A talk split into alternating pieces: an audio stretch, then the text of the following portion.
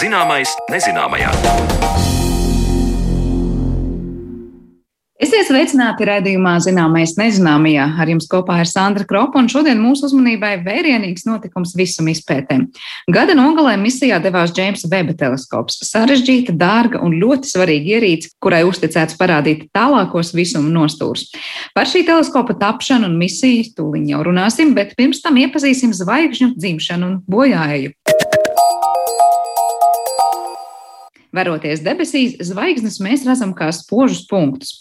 Diezin vai šajā brīdī tik daudz aizdomājamies par to, ka zvaigžņu dzīvē novērojams arī tādas stadijas kā baltais punduris, brūnais punduris un vēl citas. Bet skaidrs ir arī tas, ka zvaigznes no kaut kā rodas, tā savas dzīves laikā mainās, un kaut kad to dzīve arī izbeidzas. Par to, kā zvaigznes dzimst un mirst, plašāk interesējās Mariona Baltkalne.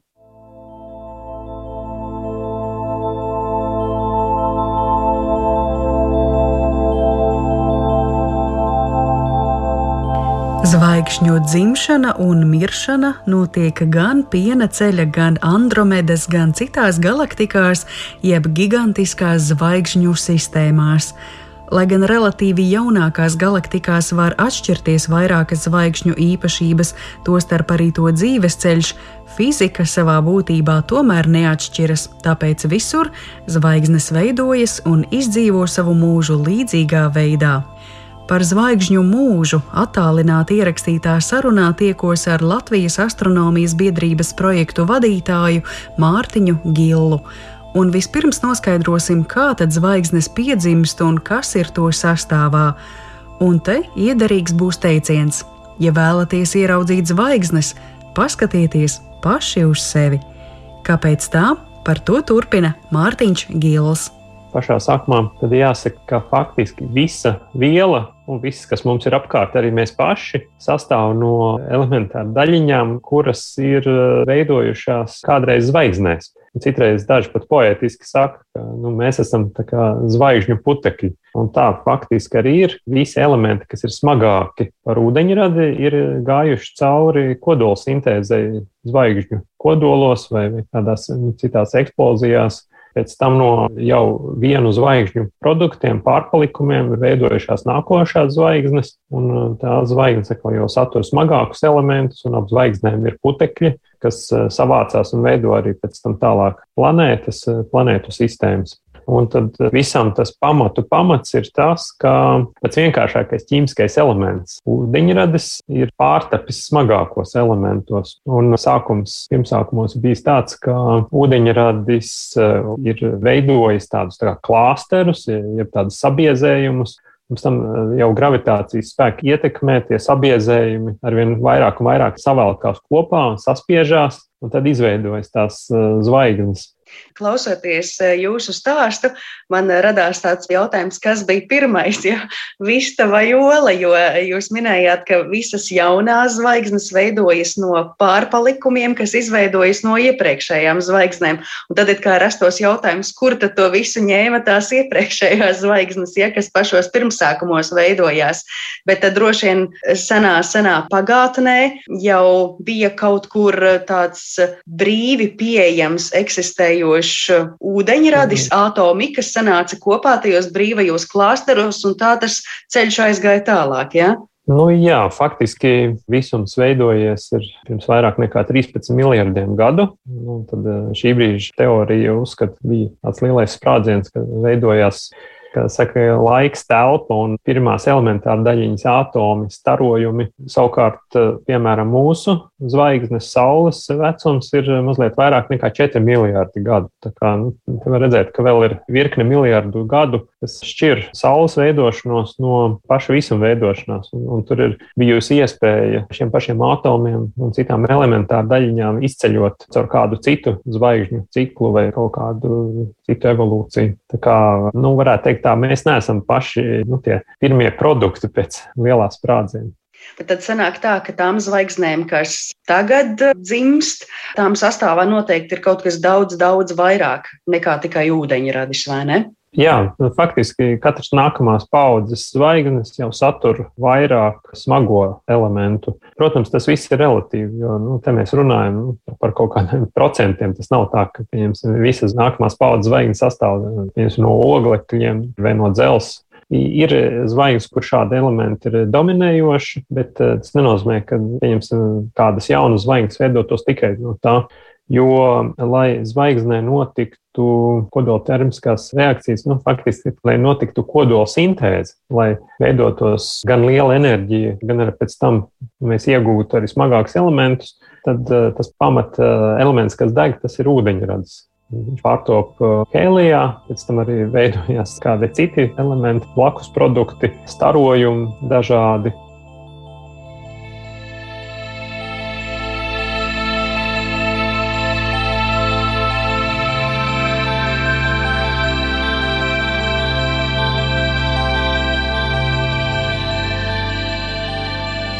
Tātad zvaigznes ir piedzimušas pirmsākumos no tīra ūdeņraža, bet vēlāk no dažādu atomu, elementāru daļiņu un zvaigžņu putekļu buķetes. Bet tālāk aplūkosim, kādiem posmiem zvaigznes iziet cauri savā dzīvē. Izrādās, ka tālākie scenāriji ir ļoti daudzveidīgi. Var būt vieglas zvaigznes, kuras pa īstam neuzliesmo un tā arī izdziest, un varbūt spožas zvaigznes ar lielu masu, kuru dzīves turpinājums raksturojams ar dažādām izpausmēm, proti supernovas sprādzieni, melnie caurumi, magnetāras, kā arī sarkanie milži, dažādu krāsu punduri un ne tas vien. Par to visu plašāk stāsta Mārtiņš Gils. Šeit varētu teikt, tā, ka zvaigznes attīstība lielā mērā ir atkarīga no tās um, sākuma masas, kas tiek savākta kopā tajā brīdī, kad um, visumā klejojošais gāzu mākonis, nu, kāda impulsa rezultātā, pēkšņi sāk vākties kopā pa zvaigzni. Un uh, ir tā, ka jo lielāka ir zvaigznes masa, jo spilgtāka, spožāka šī zvaigzne veidojas, bet tā arī ātrāk izdeg. Nu, varētu teikt tā, ka jau ugunskurā vienlaikus samet vairāk malkas, tad nav tā, ka tas ugunskurs ilgāk degs, jo ir daudz malkas, bet eh, visa malka uzreiz zari un viss iespējamais kurināmais sāks degt. Un tā arī šajās lielajās zvaigznēs eh, veidojās gan liela masas koncentrācija, veidojās diezgan liela apjoma reakcijas, kodolsintēzes Un šādas zvaigznes savu mūžu var izdzīvot kārtā miljoni gadu. Savukārt, uh, vieglākas zvaigznes, tāda kā ir Saule, nu, Saule, starp citu, ir uzskatāms par tādu tipisku vidējo zvaigzni. Saules mūžs uh, tiek vērtēts uz kādiem astoņiem miljardiem gadu. Šobrīd Saule ir tādā tieši pusmūža vecumā. Un tad ir tādas zvaigznes, kuras nesavāc pietiekamu masu, kas ir stipri vieglākas par Sauli un tajās neiešķiļās šīs modulu sintēzes reakcijas, un zvaigzne faktiski pat nespēja kārtīgi uzliesmot. Ir, ir sākuma starojums no tā, ka viņi saspiežās, veidojās karstums un starojums, bet tālāk viņi vienkārši arī tā viegli, viegli nodziest. Tā kā te ir tas pirmais moments, ir atkarīgs no tā, cik daudz tiek savākta tā materiāla un kāda ir tā starta masa. Tālāk, kas notiek ar zvaigznēm, nu, tās, kuras, kā saka, spoži izdzīvo, tās lielās supermasīvās zvaigznes, viņas staro tādā tā kā zilgana baltā krāsā, ir labi tālu saskatāmas. Bet uh, tālākais attīstības posms visbiežāk ir, ir tāds, ka notiek nu, kāds uzliesmojums, tāds saucamais pārnovas uzliesmojums. Bieži vien ir dzirdēts tāds supernova, supernovas sprādziens, un te arī ir atkarīgs, vai tā ir bijusi ļoti masīva zvaigzne, nedaudz vieglāka. Tad pēc šāda sprādziena zvaigzne vai nu var kļūt par uh, melno caurumu, nu, kas arī ir tāds tā kā iztēli rosinošs uh, laiktelpas notikumu apvīts objekts, jo tur fizika tiešām mainās. Nu, fizika kā tāda nemainās, bet uh, mainās daudzas lietas, kas mums ir apkārt tad var izveidoties melnais caurums, vai arī var veidoties neitronu zvaigzne. Nu, tad viens no neitronu zvaigznes atkal tādiem paveidiem ir magnetārs, kas ir ļoti kompakta, ar spēcīgu magnētisko lauku apveltīta zvaigzne. Tas ir viens tāds evolūcijas veids. Piemēram, tāda zvaigzne kā Saule. Saule lēnām turpinās kurināt savu degvielu, ūdeņradi, kļūst mazliet vieglāka, arī tas kodols mazliet kļūst kompaktāks, bet vienlaikus arī mazliet kļūst spilgtāka. Saule arvien vairāk izstaros gaismas, jo saspiedīsies, bet kādā brīdī Saule pārtaps par sarkano milzi. Sāks uzpūsties, bet eh, tā uzpūšanās būs nu, līdzīga, varētu teikt, kā balons. Viņa nekļūs varbūt tik eh, ļoti karsta, cik viņa kļūs milzuma liela, un tad sprādziena tipa notikumu rezultātā sarkanais milzis nometīs apvalku, un tad veidojās tā saucamie planetārie miglāji. Tos atkal mēs šobrīd varam novērot mūsu galaktikā, tuvākā un tālākā apkārtnē. Tāds tā kā skaists veidojums ap zvaigznēm. Ir pa vidu tāda vāja, vāja zvaigzne, pat vidū esošā zvaigzne nav saskatāma, bet ir dažādi kā kaķu acis vai kā, pieņemsim, kaut kādas lēcas, mistiski ovāli. Tad ir dažādas tās vizuālās izpausmes, bet nu, tās faktiski ir tā kā zvaigžņu paliekas, tāds nomestais zvaigžņu apvalks, kas spīd vai atspīd. Un tad uh, pati zvaigzne var izčākstēt uh, tā lēnām, kļūst uh, par tādu nelielu spožu veidojumu, bet pēc tam tālāk arī nu, tā lēnām izdziest tā saucamo melno punduri. Veidojas sākumā baltais pundurs un tad melnais pundurs. Bet savukārt tās zvaigznes, kas vispār nav iedegušās līdz galam, tās kļūst par brūniem punduriem, un tie brūnie punduri arī lēnām atdziest. Nu, tā vienkārši izdziest. It kā ir zvaigzne, kas nespīd. Ja? Tā kā ir dažādi tie varianti un tālāk jau viens process ietekmē nākamo. Piemēram, pārnavu sprādzieni vai nomesti zvaigžņu apvalki padara pieejamas zvaigžņu paliekas, kas pēc tam atkal var sakoncentrēties un veidot kaut ko jaunu. Tādējādi galaktikās ir rajoni, kur zvaigžņu ir gan vairāk, gan mazāk, jo to nosaka izējas materiāla daudzums. Bet, ja runājam par Zemē tik svarīgās zvaigznes, Saules miršanu, tad jāņem vērā, ka tas ietekmētu arī Zemi. Laimīgā kārtā mums līdz tam ir vēl mazliet laika - aptuveni 4,3 miljardi gadu. Mārtiņš Gils skaidro, kas notiks pēc tam. Zemē īstenībā kļūs grūti jau tajā brīdī, kad pamazām sāks pieaugt starojuma apjoms no Saules, tad uh, Zeme uzkarsīs. Bet te nav runa par desmit tūkstošiem vai pat miljoniem gadu. Tas tiešām ir vēl tālākā nākotnē. Tā kā mūsu acīm redzot, tas nesatrauks. Jā. Sakiet, eh, zvaigžņu nāve, tie procesi, ko zvaigznes var piedzīvot, visdažādākie, ko jūs iepriekš nosaucāt, tas vienmēr ir tā dabiski, nu, ka zvaigzne dzīvo, dzīvo, un tai ir ieprogrammēts, ka kādā brīdī tai ir eh, jānomirst, vai precīzāk izsakoties, jāpārto par kaut ko citu dzīves beigās, vai arī var būt kaut kādi ārēji apstākļi, kas eh, nāvi izraisa. Jāsaka, pārsvarā jau tomēr to nosaka tieši tie starta nosacījumi, un tad uh, zvaigzne attīstās pa konkrētiem scenārijiem. Tādi ārēji apstākļi varētu būt varbūt gadījumā, nu, ja kādas zvaigznes savstarpēji ir eh, satuvojušās. Es nevarētu teikt, ka eh, notiek sadursme, bet nu, teorētiski ir iespējams, ka viņas notiek tāda savstarpēja rotācija vienai ap otru. Varbūt kādu zvaigzni nu, pievelk klāt tuvāk melnais caurums, un tad tur notiek kaut kāda miedarbība tādi apstākļi varētu būt, bet uh, visādi citādi zvaigznēm tomēr ir uh, savs kurināmais, nu, tā degviela un ir masa, un, un vienkārši dēļ tā, ka zvaigznēm mainās tas ķīmiskais sastāvs, zvaigznes atdod starojumu, tā ir enerģija, zaudē masu, mainās līdzsvars starp pārējiem slāņiem, mainās kodola izmēri, kodola sastāvs. Un tas līdzsvars ir izjaukts, un sanāk, ka pie esošajiem nosacījumiem nu, zvaigznes vairs nevar pastāvēt. Tas nozīmē, ka ņem virsroku vai nu tas, ka ir liels spiediens iekšpusē, liels starojums, vai ņem virsroku tas, ka ir liels gravitācijas spēks pret to geometrisko izmēru veidojās un kāda slāņa sāk krist centra virzienā. Līdz ar to pēc tam veidojas pārāk liels eh, saspiedums centrālā daļā, liels karstums, papildus reakcijas veidojās. Tā kā tur tādu scenāriju iespējas ir diezgan daudz, bet lielā mērā to nosaka jau tie starta nosacījumi. Te mēs it kā varētu vilkt paralēles ar cilvēku pasauli, kad no vecākiem saņemtais ģenētiskais mantojums ietekmē arī pēcnācēju, bet ar zvaigznēm tomēr ir citādi zvaigznēm ir diezgan liela tā sociālā distancēšanās, ja mēs arī tā varētu teikt. Ja, lai arī zvaigznes mīt galaktikās, tad tie attālumi starp zvaigznēm vienas galaktikas ietvaros ir ļoti lieli. Tur tādas tiešas ietekmes vienai zvaigznei uz otru faktiski nav. Mārtiņ, es eh, noslēgumā vēl gribētu jautāt par to, cik lielā mērā un ar kādām metodēm eh, pētniekiem ir iespējams izsekot līdzi tam, kas notiek ar zvaigznēm, kā visu šo informāciju iegūst, esot šeit uz Zemes. Tie ir vienkārši matemātiski aprēķini, kaut kādas modelēšanas, kā iegūst attēlus, tā ir datorgrafika, kā mēs visu to zinām.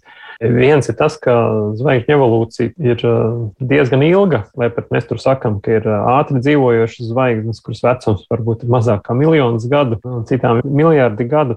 Tad uh, skaidrs, ka mēs nevaram izsekot pat vienu zvaigznes pilnam mūžam, bet mums ir iespēja novērot miljoniem zvaigžņu un pat miljardiem, varētu teikt. Vienkārši viss atkarīgs, vai mēs skatāmies arī kaut kādas zvaigžņu kopas, tā tīri statistiski.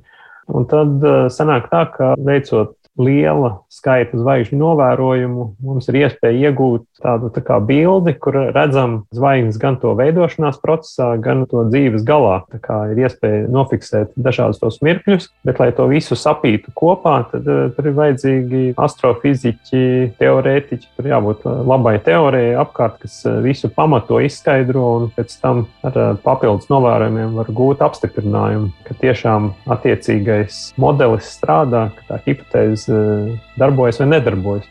Nu, tādu galaktiku attēli tos var eh, nofotografēt, bet eh, pašu zvaigžņu tādu tiešie attēli, ja mēs skatāmies, nu, kādas tur citreiz ir smukas zvaigznes attēlotas ar, tādiem interesantiem starojumiem, tad bieži vien tās tomēr ir grafikas, mākslinieku zīmējumi, kas balstās uz zinātniskiem pētījumiem un ļauj mums sev vizualizēt to, kas notiek, gan arī ikvienam iedomāties par to, kā tas varētu būt.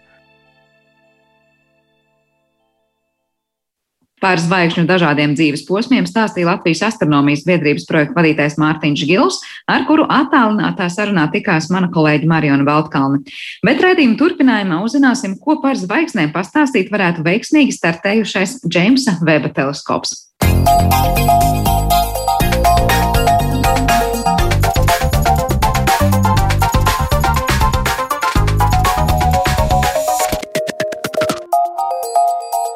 Zināmais nezināmajā.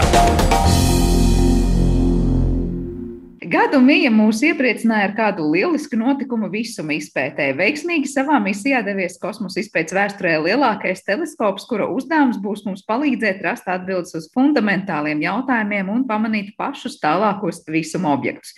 Par to arī šodien mēs vairāk runāsim ar mūsu studijas attālināto viešņu Suntažu observatorijas saimnieci un portāla Starspace LV redaktori Annu Ginteru. Sveika, Anna! Sveiki! Nu, notikums ir bijis liels, un teleskopam jau piedāvā jaunu astronomijas laikmeta sākumu. Varbūt jautāšu, kādas ir tās tavas sajūtas pēc tam, kad teleskops nu, ir, ir devies visumā.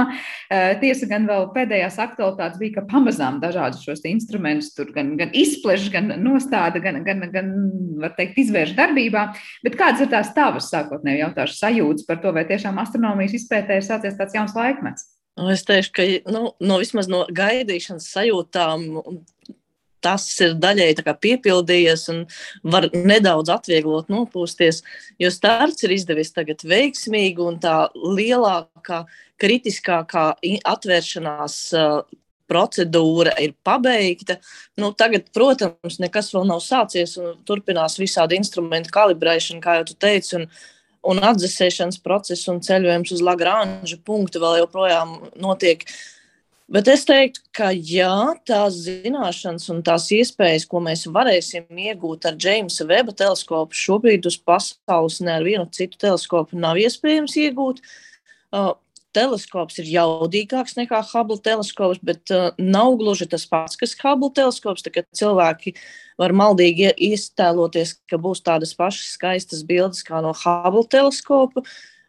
Vizuālais, ja redzamais spektrs vispār šim teleskopam nebūs, bet katrā ziņā nu, tās iespējas, kas pavērsies, nu, tās būs tiešām iespaidīgas. Jo, pie, piemēram, citu planētu izpētē, visuma dziļu izpētē, nu, neviens teleskops tiešām uz Zemes nevar līdzināties Džeimsa Veba teleskopam. Bet, protams, jāsaprot, ka vēl viss gaidīšanas process nav noslēdzies un jāturpina turēt īkšķi, jo nu, viss vēl, viss vēl notiek. Jā, nu viss patiešām vēl notiek. Vismaz saka, ka tādu nu, īstu visumu, nezinu, weba acīm mēs varētu sākt skatīties tikai vasarā, tā varētu teikt. Jā, principā līdz janvāra beigām teleskopam ir jāsasniedz Lagranža punkts un jāiet orbītā ap to. Un pēc tam notiks dažādu instrumentu pamazi, pamazām kalibrācija, Vispirms vienu instrumentu, tad otru instrumentu, jo instrumentiem ir jāatdziest līdz tai temperatūrai, kura ir nepieciešama, lai tie varētu pilnvērtīgi darboties. Jo, kā jau es teicu, tas ir infrasarkano staru teleskops, tātad viņam ir jādarbojas un jāuztur visuma siltums. Un, kā jau mēs saprotam, visumā siltums nav pārāk liels. Un līdz ar to, lai varētu pilnvērtīgi un kvalitatīvi darboties, mums būs jāgaida vismaz nu, plus mīnus pusgads aptuveni līdz tā, ka varētu teikt, ka sāksies zinātniskā fāze. Bet es domāju, ka tajā laikā, kamēr notiks dažādi instrumentu kalibrācija, gan jau NASA mūs iepriecinās ar vismaz kaut kādu nu, kripatiņu e, inf informācijas un kripatiņu ieskatu tajā, kas būs sagaidāms no Džeimsa Veba, bet katrā ziņā nu, tās pirmās bildes, kas varētu parādīties publiski, tās noteikti nebūs nekas tāds graujošs, ko mēs tur ceram, ka pēkšņi viss visums atklāsies pilnīgi jaunā gaismā. Priekš zinātniekiem tas noteikti būs pilnīgi jaunā gaismā, bet priekš publika, publikas, nu, tomēr es ieteiktu mazliet piezemēt to savu gaidīšanu attiecībā uz to, cik grandios attēls mēs sagaidīsim no weba teleskopa. Jā, kas ir tas, ko zinātnieki grandiozi uzzinās? To tūdaļ mēs droši vien arī sīkāk varam parunāt par to, bet es gribēju vēl varbūt lūgt tev pastāstīt, kas ir šis Lagranža punkts. Es saprotu, tā ir tāda tā kā galamērķis e, šim teleskopam, bet kur tieši tas atrodas, kas tas tāds ir un kāpēc šāda izvēle? Uh -huh. uh, ap Zemi, uh, Zemes un Saules savstarpējā sistēmā uh, riņķošanas orbitālajā, ir vairāki punkti, kuros var novērot tādu tā kā līdzsvaru. Ja mēs noliekam tur objektu, šim objektam ir nepieciešams pielikt ļoti, ļoti nelielu darbu, lai šo objektu noturētu šajā orbītā. Un Lagrange otrais punkts atrodas prom virzienā no Saules, aptuveni pusotra miljonu tālāk visuma virzienā. Un, protams, tas ir izvēlēts tāpēc, ka šim instrumentam, James Webb teleskopam, ir jāstrādā augstumā. Un šajā attālumā teleskops ar savu saules vairogu aizsedz uh, gan sauli, gan varētu teikt, zemes siltumu un arī mēnesis siltumu. Jo tīri teorētiski mēs nevaram iedomāties, mēs viņu varētu nolikt pat zemes orbītā. Bet tad jāņem vērā, ka Zeme ir ļoti silta un mēnesis rada kaut kādu siltumu, un tie būtu kaut kādi nevajadzīgi blakus trokšņi, kas traucētu uztvert to visuma siltumu. Tāpēc ir šis novietojums Lagranžu otrajā punktā, kur būs nepieciešams mazāk degvielas, lai viņi noturētu šajā orbītā. Nu, praktiski tas nozīmē to, ka James Webb teleskops varēs darboties ilgāku laiku, un kā jau bija nesen arī ziņa, ka pateicoties Ariane 5 nesēja raķetes labajam darbam, ja tas tam procesam, ko viņi paveic, lai nogādātu web, web attiecīgajā orbītā, trajektorijā uz šo Lagrange punktu, būs nepieciešams pielietot mazāk degvielas uh, korekcijai, lai nokļūtu Lagrange punktā, lai ietu orbītā. Tas vieš cerības, ka James Webb teleskops patiesībā varētu strādāt vēl nedaudz ilgāk nekā viņam iecerēts. Cik ilgs ir tas viņa paredzētais un iecerētais laiks? Nu, nu, sākotnēji tie būs līdz desmit gadiem, bet iespējams, ka tas varētu būt tiešām ilgāk, kā mēs redzam arī uh, Hubble teleskopu gadījumā, tas velks jau vairākus desmit gadus. Protams, daļa, nu, viens, viens no instrumentiem varētu darboties īsāku laiku. Tas ir miri instruments, kas atkarīgs no hēlītes dzēsēšanas. Nu, tad, kad hēlijas šim te papildu instrumentam beigsies, tad viņš vairs nevarēs darboties tik uh, tajā diapazonā, kurā viņam ir paredzēts darboties, bet, protams, varēs turpināt viņu izmantot uh, citu infrasarkanu staru uztveršanai. Tā kā daļa no instrumentiem darbosies neatkarīgi no tā. Principā svarīgākais ir, lai šis saules vairogs paliktu vesels, Nu, lai, protams, arī netrāpītu kāds uh, mikrometeorīts vai kāds garām lidojošs asteroīds, neietriektos pašā šajā teleskopā, bet tā šīs degvielas rezerves varētu dot vairākus pat desmit gadus. Jā, tu pieminēji šos mikrometeorītus, bet kā tas sanāk? Nu, mēs parasti sakām, tās atlūzas mums kosmiskās ir gana daudz vis, visapkārt, un jautājums, cik ļoti pasargāts ir šis saules vairogs no tā, ka tur varētu notikt kaut kāda sadursme. Tur ir kaut kādi preventīvie pasākumi veikt, nu, lai mazinātu risku, vai tur viss ir, kā saka, nu, kā paveiksies. Nu, principā attiecībā uz cilvēku radītajiem atkritumiem Lagrange punkts ir visai tīrs. Tas atrodas tik tālu no Zemes, ka standartā tur neko cilvēks nesūta. Tur ir bijuši vairāki zinātniskie instrumenti, kas tur ir atradušies. Uh, Bet, principā, atlūžu mums tur nav. Nu, vienīgais, kas var apdraudēt, protams, ir šie kosmiskie atkumi. Kamēr tie ir mazi un kamēr tie netrāpa kritiskajās vietās, tikmēr jau viss ir kārtībā. Protams, var nepaveikties. Un pat neliels uh, mikrometeorīts var iztriekties cauri ļoti kritiskām kaut kādām struktūrām un, un info, kaut kādām tādām lietām, kuras nav aizvietojamas. Bet, nu, jāsaprot, ka visums ir ārkārtīgi milzīgs, un tā iespēja, ka kaut kas ietrieksies tādā nelielā objektā kā James Webb teleskops, tomēr nu, ir salīdzinoši maza. Un, protams, ja tie meteorīti ar laiku sabojās to siltumu vairogu, tam, tam vairogam ir vairāki slāņi, un tas nav tā, ka visticamāk tur būs viens milzīgs caurums izveidosies. Būs vairāki mazi caurumi. No nu, laika, protams, tas varētu radīt kaut kādu siltuma troksni no saules nākošā siltuma dēļ. Uh, Bet es domāju, ka tas nenotiks ne tik ātri. Pareizāk sakot, es teiktu, ka es ceru, ka tas nenotiks tik ātri, jo nu, visādas ne negadījumi var būt uh, kosmosā. Bet katrā ziņā tā iespēja, ka Džeims Rebs ar kaut ko sadursies tieši Lagrange otrajā punktā, ir neliela. Jā, tu pieminēji šis mazais salīdzinošs objekts. Es saprotu, nu tā, lai mēs iztēlotos, tas pats saules vairogs tiek salīdzināts ar tādu nu, tenisa kortu lielumu, vai nu, kādi ir tie kaut kādi vēl, nezinu, citi mērogi, kuros mēs varam iedomāties. Jā, nu, principā tā tas arī tiek teikts, ka tas ir kā tenisa korts. Tātad tā ir lielākā struktūra James Webb teleskopam, šis aizsarga vairogs, kas sargā no saules siltuma, kur vienā pusē ir saules pusē ir plus, gandrīz vai 100 grādi, un savukārt otrā pusē ir tuvu absolūtai nulē, tad ārkārtīgi zema temperatūra. Tam vairogam, kā jau teicu, ir vairāk slāņu, tas bija viens no tādiem elpu aizraujošākajiem momentiem tieši šī karstuma vairoga atvēršana kosmosā. Jo, protams, kad mēs nevaram iztēloties nevienu nesēju raķeti, ar kuru varētu nogādāt uh, tādu tenisa kortu kosmosā veselā atvērtā veidā. Un tādēļ šis aizsarga vairogs bija salocīts. Un augšā, tad, kad bija sasniegts noteikts attālums, tātad pie, no nu, konkrētā dienā, konkrētā laikā sākās šī atvēršana. Atvēršana notika pamā, pamazām, palēnām, un, protams, tad, kad bija viss atvērties, visas šīs sarežģītās uh, mehānismas, skrūvītes bija nostrādājušas un vairogs bija izplests. Un tad zinātnieki un, un tie, kas tur vismaz bija šajā inženieru istabātais telpās, bija ārkārtīgā sajūsmā. Cilvēki aplaudēja, apskāvās, nu, priecājās par šo te tehnisko sasniegumu. Tikpat liels tehniskais sasniegums ir otra lieta, kad vajadzēja šīs spoguļu detaļas atlocīt. Jo tieši dēļ tā, kad nesēja raķetes, tas tā kapsula ir ierobežota izmēra. Tik milzīgu pašu spoguli arī nebija iespējams nogādāt kosmosā. Arī spogulis bija salocīts kā origami, kā mēdz teikt, lai varētu viņu ietilpināt šajā kapsulā. Un tad, kad arī kārtējo reizi bija atkal nonācis pietiekami tālu, karstuma vairogs bija atvērties, tad sākās šī spoguļu mehānismu atvēršanās. Vispirms atvērās sekundārais spogulis, kur tāds tā kā trīkājas, atlocījās un izbīdījās uz ārā. Un pēc tam šī Džeimsa Veba 6,5 metru lielā teleskopa sānu segments vispirms viens atvērās, tad otrs atvērās.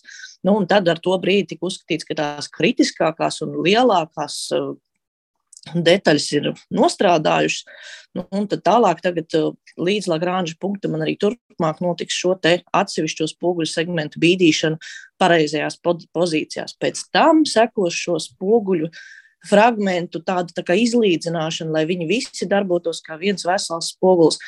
Tā kā, nu, tas ir tik sarežģīts mehānisms, tik sarežģīts process, man liekas, ka tik, ne, tik sarežģīts teleskops kosmosā noteikti nav bijis. Jā, tā kā vēl viss nebūtu nav galā, bet nu, tādas lielākās un kritiskākās lietas tā kā veiksmīgi ir pārvarētas, tā varētu teikt. Ja? Jā. Jā, no došanās līdz šim punktam droši vien nu, tas ir vēl ceļojums, kura laikā mēs, protams, varam elpu aizrāvuši sekot līdzi tam, kā tas notiek. Un, kā jau minēji, brīdī, kad šis saules vairogs atvērās, tad bija gan aplausos, gan sajūsmas. Nu, to var saprast, jo saprot, lai cik arī to izmēģināja uz Zemes un varētu izmēģināt uz Zemes. Nu, kosmosā vienmēr tas ir vēl liels jautājums, kā tas viss notiks. Ja? Un viss var būt pilnīgi citādāk nekā testos parādīts uz Zemes. Es pieņemu, ka laikam šajā gadījumā mēs runājam par tik sarežģītu teleskopu, kas nu, daudz un dikti bija pārbaudīts visdažādākos laboratorijas apstākļos. Jā, nu teleskops bija neskaitāms reizes atlikts un atlikts un atlikts. Tā kā gan jau daļa no cilvēkiem, kas šo 25. decembri pavadīja, sēžot pie televizora un gaidot startu, varbūt līdz pat pēdējiem brīdim nenoticēja, ka tas ir noticis. Un, jā, un uz Zemes teleskops bija testēts un pārtestēts dažādos apstākļos, gan kosmiskos apstākļos, speciālajos vakuumos, šajos te telpās un, un visādos veidos, lai pārliecinātos, ka tiešām nostrādās. Jo, kā jau es teicu, šis atvēršanās mehānisms bija ārkārtīgi precīzs. Un, lai, lai tas izdotos, vajadzēja pilnīgi visām skrūvītēm, pilnīgi visiem klikšķiem nostrādāt. Ja kaut viens skrūvīte nebūtu atvērusies, kaut viens no šīs atvēršanās mehānismiem nebūtu nostrādājis, Džeimsa Webb teleskopa tālākais liktenis jau būtu krietni interesantāks. Bet Jā, tas laimi, nu... liels zaudējums eh, kaut ko tik dārgu un tik ilgi izstrādātu, eh, tik skrupulozi varbūt palaistu mm, eh, visumā, pēc tam saprast, ka nu, īsti nestrādās un patiesībā jēga no tās nāk ir maza vai ne? Uh, neva, nu, bija, vis, ir visādi veidi, kā zinātnieki un inženieri būtu strādājuši pie tā, lai teiksim, kaut ko darītu. Tad, ja teiksim, karstuma vairogi nebūtu pilnībā atvērušies, vai arī nebūtu atvēries spogulis, kā nāks, bija dažādi sānu ceļi, kā to varētu mazināt un kā strādāt ar to, kas ir pieejams. Bet, protams, tās iespējas, kādas pavarās tagad, kad teleskops tiešām ir pilnībā atvēries, un nu, cerams, ka arī šī spoguļu pārbīdīšana notiks veiksmīgi ka tas arī viss, viss būs labi beigās. Jo, ja salīdzinām ar Hubble, Džeimsa Veba teleskops nav plānots salabošanai. Ja Hubble atradās salīdzinoši zemā orbītā un bija paredzēts, ka uz to var aizbraukt ar šiem atspūļu kuģiem, jeb šatliem, tad Džeimsa Veba teleskopa gadījumā visam jānotiek ar pirmo reizi, jo nekādas iespējas salabot kaut ko tur aizbraukt nav. Jā, tas tomēr, lai arī, nu, es saprotu, kosmosa kontekstā nav tas tālākais objekts, bet ir pietiekoši tālu, lai mēs teiktu, nu, teleskops ir vietā, kurā, kā arī tu minēji, cilvēku radīto kaut vai atlūzu nav. Runājot par to, ko šis teleskops īsti darīs, nu, kā tu, es nezinu, klasificētu tās lietas, kuras vis, nu, mēs varam uzzināt vai centīsimies uzzināt tieši pateicoties šim teleskopam un ko ar citiem instrumentiem, nu, nekādīgi nevarēja izzināt līdz šim. Viena lieta, ko James Webb teleskops turpinās, ja pārņems no Hubble, būs šo kosmosa dzīļu pētījumi.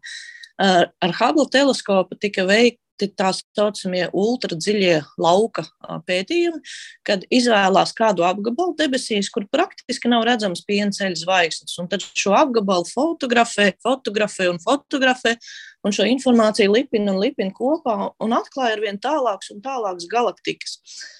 Ar Džeimsa Veba teleskopu darīs to pašu. Infrasarkano staru diapazonā, jo principā tā gaisma, kas nāk no viscenākajām galaktikām, līdz mums ir izstiepusies līdz šiem siltuma starojumam. Tātad mēs šo informāciju vairs nesaņemam redzamajā gaismā vai ultravioletajā diapazonā, bet vairs tikai infrasarkanajā diapazonā. Un arī tiks veikti šādu apgabalu pētījumu, fotografēšanu, lai tiešām tiktu varbūt iespējams līdz pašām, pašām pirmajām galaktikām, jo tā izšķirtspēja un tā jauda, ko Džeims Veba teleskops piedāvā, varētu ļaut mums saskatīt visuma pirmās zvaigznes, visuma pirmās galaktikas, paskatīties, kādas tās ir un patiešām precizēt to laiku, kad varēs sākties šī zvaigžņu veidošanās visumā. Protams, arī tas, ka šis teleskops varēs skatīties gan Saules sistēmas objektu, pētīt, gan tālāk mūsu galaktikas objektus dažādus, gan arī citas galaktikas, pievēršoties tieši zvaigžņu veidošanās procesiem. Domāju, ka daudz cilvēki ir redzējuši šos slavenos ērgļu pīlārus, kurus ir neskaitāms reizes jau fotografējis Hubble teleskops, visticamāk, arī James Webb teleskops tos fotografēs. Un Hubble teleskopam tikai viens no instrumentiem ļauj paskatīties uz šo miglāju no infrasarkano staru diapazonā. Tad Jamesa Weba teleskopam šādu instrumentu ir veseli četri. Un tad, skatoties uz šo miglāju, būs iespējams jau precīzāk ielūkoties, detalizētāk saskatīt tās zvaigznes, saskatīt ne tikai pašu zvaigžņu veidošanos, bet arī pētīt šo putekļu disku, kurā rodas jaunās planētas. Nu, un runājot par planētām, visi, visi liek lielas cerības, ka varēs ar Džeimsa Veba teleskopu pētīt tuvāko planētu atmosfēru ķīmisko sastāvu. Tātad tās planētas, kas, kuras mēs esam atklājuši ar citām zvaigznēm, skatoties uz šo zvaigžņu gaismu, tieši tāpat tās arī pētot gan šo zvaigžņu gaismu, gan caur planētu atmosfērām ejošo gaismu. Džeimsa Webb teleskops palīdzēs noteikt, kas tad īsti atrodas šajās atmosfērās. Tātad skatīties uz skābekli, skatīties, vai tur ir ūdens klātbūtne, mēģināt uh, izprast, vai šīs planētas, kuras atrodas mums teorētiski pieņemamajā dzīvībai derīgajā zonā, vai tiešām tā atmosfēra ir tāda, ka tur varētu teorētiski būt tādi apstākļi, kas ir līdzīgi Zemes apstākļiem. Nu, un jā, tepat Saules sistēmā varētu daudz labāk apskatīt tos tālos reģionus, kas ir Koipera josla, kur atrodas Plutons, un arī vēl tālāk, varbūt pat Orta mākoņu virzienā lūkoties. Tā kā teleskops varēs ieraudzīt to, ko neviens cits teleskops līdz šim mums nav palīdzējis ieraudzīt tālāk, dziļāk un labāk. Bet sanāk, ka tajos arī nu, nezinu, mazāk izplat, izpētītajos laukos mēs varēsim gan ieraudzīt to, vai vispār tur kaut kas ir, nezinu, planētas zvaigzne un kas tāds, vai precīzāk vienkārši jau par zināmiem objektiem saprast to ķīmisko sastāvu un tad vai tur modelēt tur to izcelsmi vai kā citādi saprast to visam attīstību. Tad vairāk jau skatīties tur, kur mēs zinām, kas ir jāskatās, vai kā saka, atklās pilnīgi jaunus objektus, par kur esmību mēs nezinām. Es domāju, ka būs gan, gan, jo, protams, sākotnēji Veba teleskops tiks pavērsts pret jau labi zināmiem objektiem, kur ir zināms plus mīnus, ko varētu sagaidīt. Tad, protams, varēs saprast, cik jā, tā jauda ir lielāka, cik tā detalizācija ir lielāka.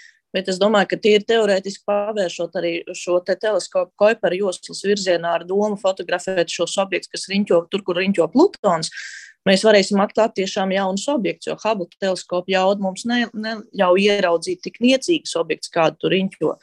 Jo tur daudz ir tādi mazāki izmēri kā Plutons, un, attiecīgi, nu, Hubble teleskopam nav tādas jaudas, bet ar James Webb teleskopu mēs šos objektus varētu labāk pētīt. Es saprotu, ka lielas cerības tiek liktas arī uz tumšās matērijas izpētes šim teleskopam, lai gan nu, varbūt ne tiešā veidā tas varētu mēģināt šo matēriju ieraudzīt, cik vienkārši redzēt nu, tās visas izpausmes ap to, ko tā maina un kā to ietekmē. Cik lielā mērā tumšās matērijas izpētē var teikt, nu, mēs liekam lielas cerības uz kaut kādiem nu, jauniem fundamentāliem atklājumiem? Jā, nu, līdzīgi kā ir citi teleskopi, kas ir pētījuši šo tumšās matērijas miedarbību ar o, redzamo matēriju.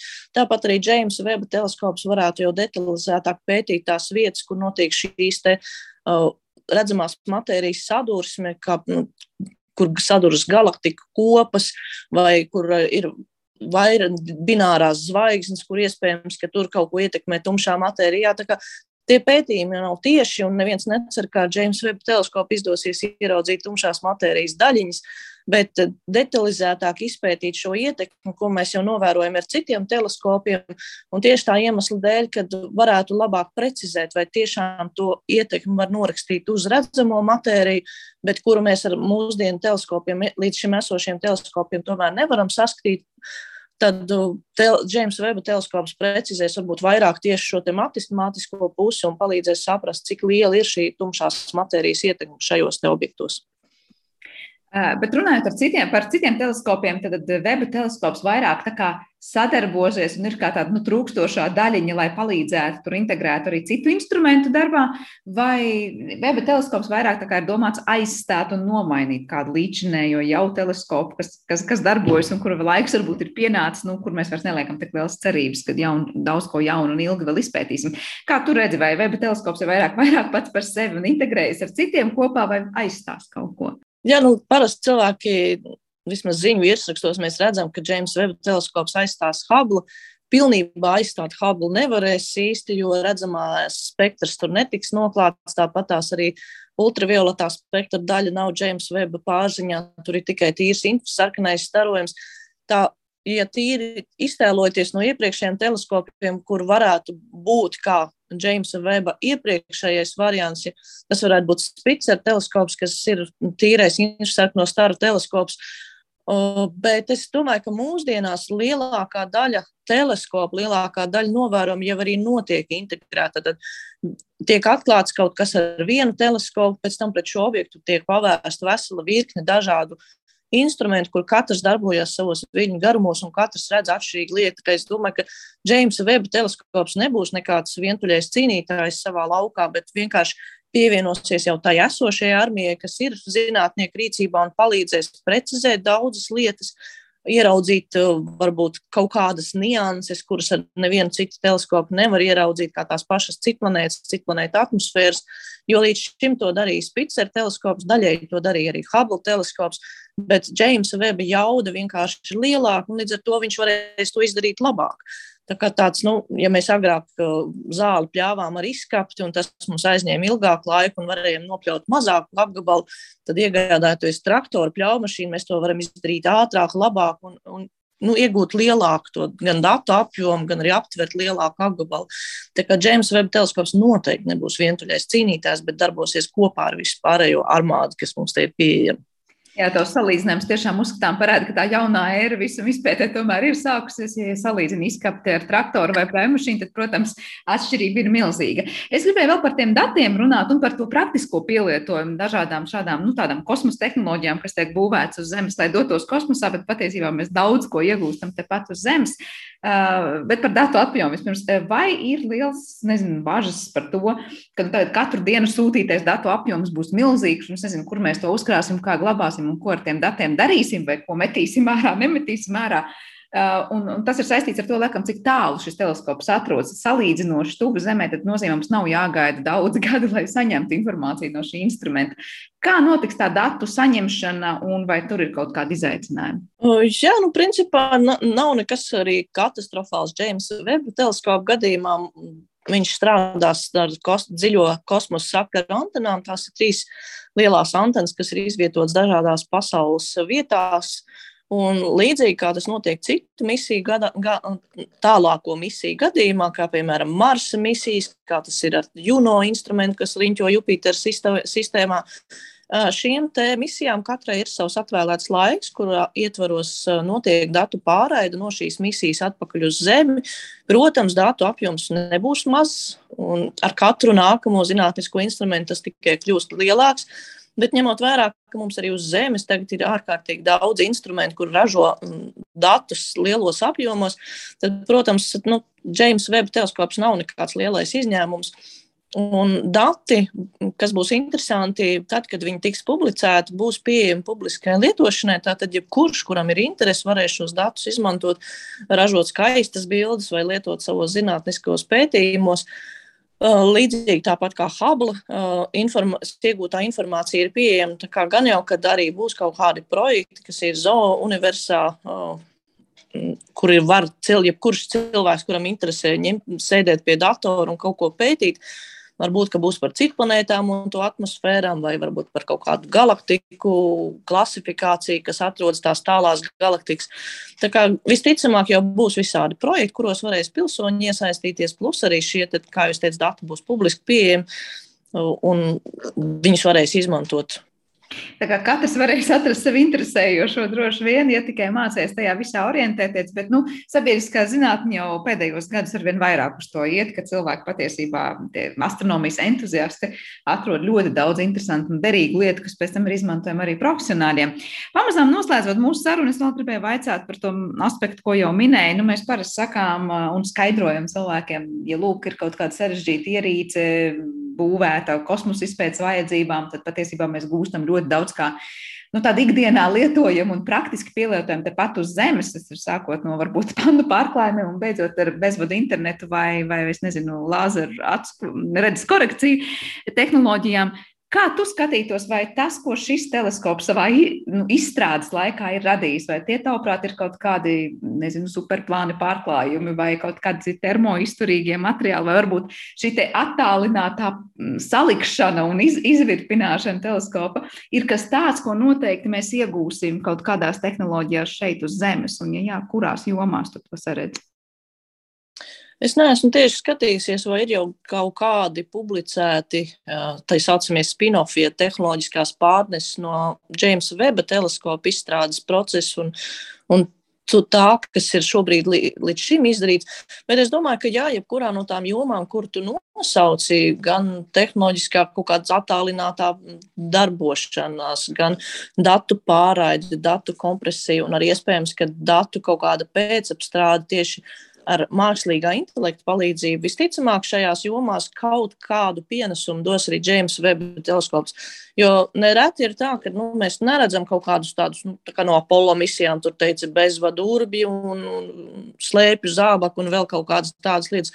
Ir ļoti daudz misijas, kur mēs tās tehnoloģiskās pārneses nemaz tā, bur, nu, ļoti viegli pamanīt nevaram, bet katrs tas sīkums iespējams dod kaut kādu mazu pienesumu, varbūt uzlabojas kaut kādi infrasarkano staru termometri, kuru mēs izmantojam medicīnā. Varbūt nedaudz, nedaudz pabīdīsies izstrāde kaut kādā citā jomā, kas ir saistīta ar kaut ko šeit, šeit kas atrodas šeit uz Zemes. Bet es domāju, ka jā, jo nu, tie cilvēku apjomi, tās, tās, tie daudzie cilvēki, kas tur tika nodarbināti gan pašā NASA, gan arī pārējās organizācijās, kas bija iesaistīts, kaut kādas zināšanas jau tur ir, nu, un tās noteikti agrāk vai vēlāk tiek izmantotas arī tepat uh, šeit uz Zemes. Bet tad, ja gribās konkrēti, tad droši vien jāskatās NASA spin-off lapā. Un varētu būt, ka tur jau kaut kas ir publicēts, kas tieši ir radies pateicoties James Webb teleskopu projektam. Jā, tā jāpiemina, ka NASA lapā, tad speciāli šim teleskopam veidotajā sadaļā un lapā var visu laiku arī sekot līdzi, kur šobrīd teleskops atrodas, cik tālu ir no tā gala mērķa, vai, vai kas ir noticis, kādas ir temperatūras, ar kurām saules vairogs saskars. Tā kā tiešām ļoti daudz interesantu faktu, kuriem sekot līdzi arī, kā teikt, nu, dzīvā režīmā. Bet saki, lūdzu, tas, kāpēc tik vair, daudzas reizes teleskopa palaišana tika atcelta, bija vairāk saistīts ar to, ka viņš tiešām tehnoloģiski nebija gatavs, vai tur bija kaut kādas naudas problēmas politiskās gribas problēmas vai kas cits. Kas, tavuprāt, bija tas, kas visu laiku nu, turēja nospriegots kosmosa entuziastus tajā, nu, kad Veba teleskops kā netika palaists, tā netika. Un daudz pat teica, nu, tik daudz naudas ir ielikts, vai tiešām beig beigās ir tā vērts. Jā, tas projekts tiešām maksāja ārprātīgi lielu naudu. Un, jā, kā kurā brīdī tur bija gan politiskās nianses vietām, un vietām arī bija tehniskās nianses, kur nebija kaut kas laicīgi pabeigts. Un šogad bija, kad nu, pārcēlās tas starts atkal kārtējo reizi uh, uz decembri, tad, tad tur bija atkal kaut kādas tieši šīs mazās, uh, varētu teikt, kļūdiņas pašā tajā uzstādīšanas procesā, kur pēc tam nācās pārbaudīt, vai tiešām teleskops joprojām viss ir vesels un kārtībā un gatavs startam. Tā kā, nu, jā, tas varētu teikt tādu interesantu sagadīšanās uh, dažādu virkne, kuru rezultātā nu, teleskopu palaida tikai pagājušā gada beigās, nevis pirms vairāk nekā desmit gadiem, kad tas bija iecerēts palaist. Jā, pamatīgi varbūt iekavējis, bet, kā mēs sakām, viss ir savā vietā un savā laikā. Varbūt Džeimsa Veba gadījumā tas tiešām īstais brīdis bija pienācis tikai nu, pērnā gadā, jau jāsaka, pašā nogalē. Un vismaz līdz šim izskatās, ka viss norit veiksmīgi un ceram, ka teleskopam tā veiksmīgā darbošanās un, un izvēršanās patiešām notiks arī tuvākajās nedēļās un mēnešos. Anna, liels tev paldies par šo sarunu un to, ka vies mums skaidrību daudzos jautājumos par to, kas ir šis teleskops, ar ko no citiem atšķirsies un kā beig beigās darbosies. Suntažu observatorijas saimnieks un portāls Stārspace LV redaktora Anna Gintere mums bija kopā šajā raidījuma pusstundā. Ar to raidījums ir izskanējis un par to parūpējās producente Paula Gulbīnska, mūzikas redaktors šai stundai bija Girds Bišs. Ar jums kopā es Sandra Kropa, un es atgādināšu, ka mūsu raidījumus varat klausīties ne tikai Latvijas Rādio 1 ētrā, bet arī populārākajās podkāstu vietnēs. Uz tikšanos!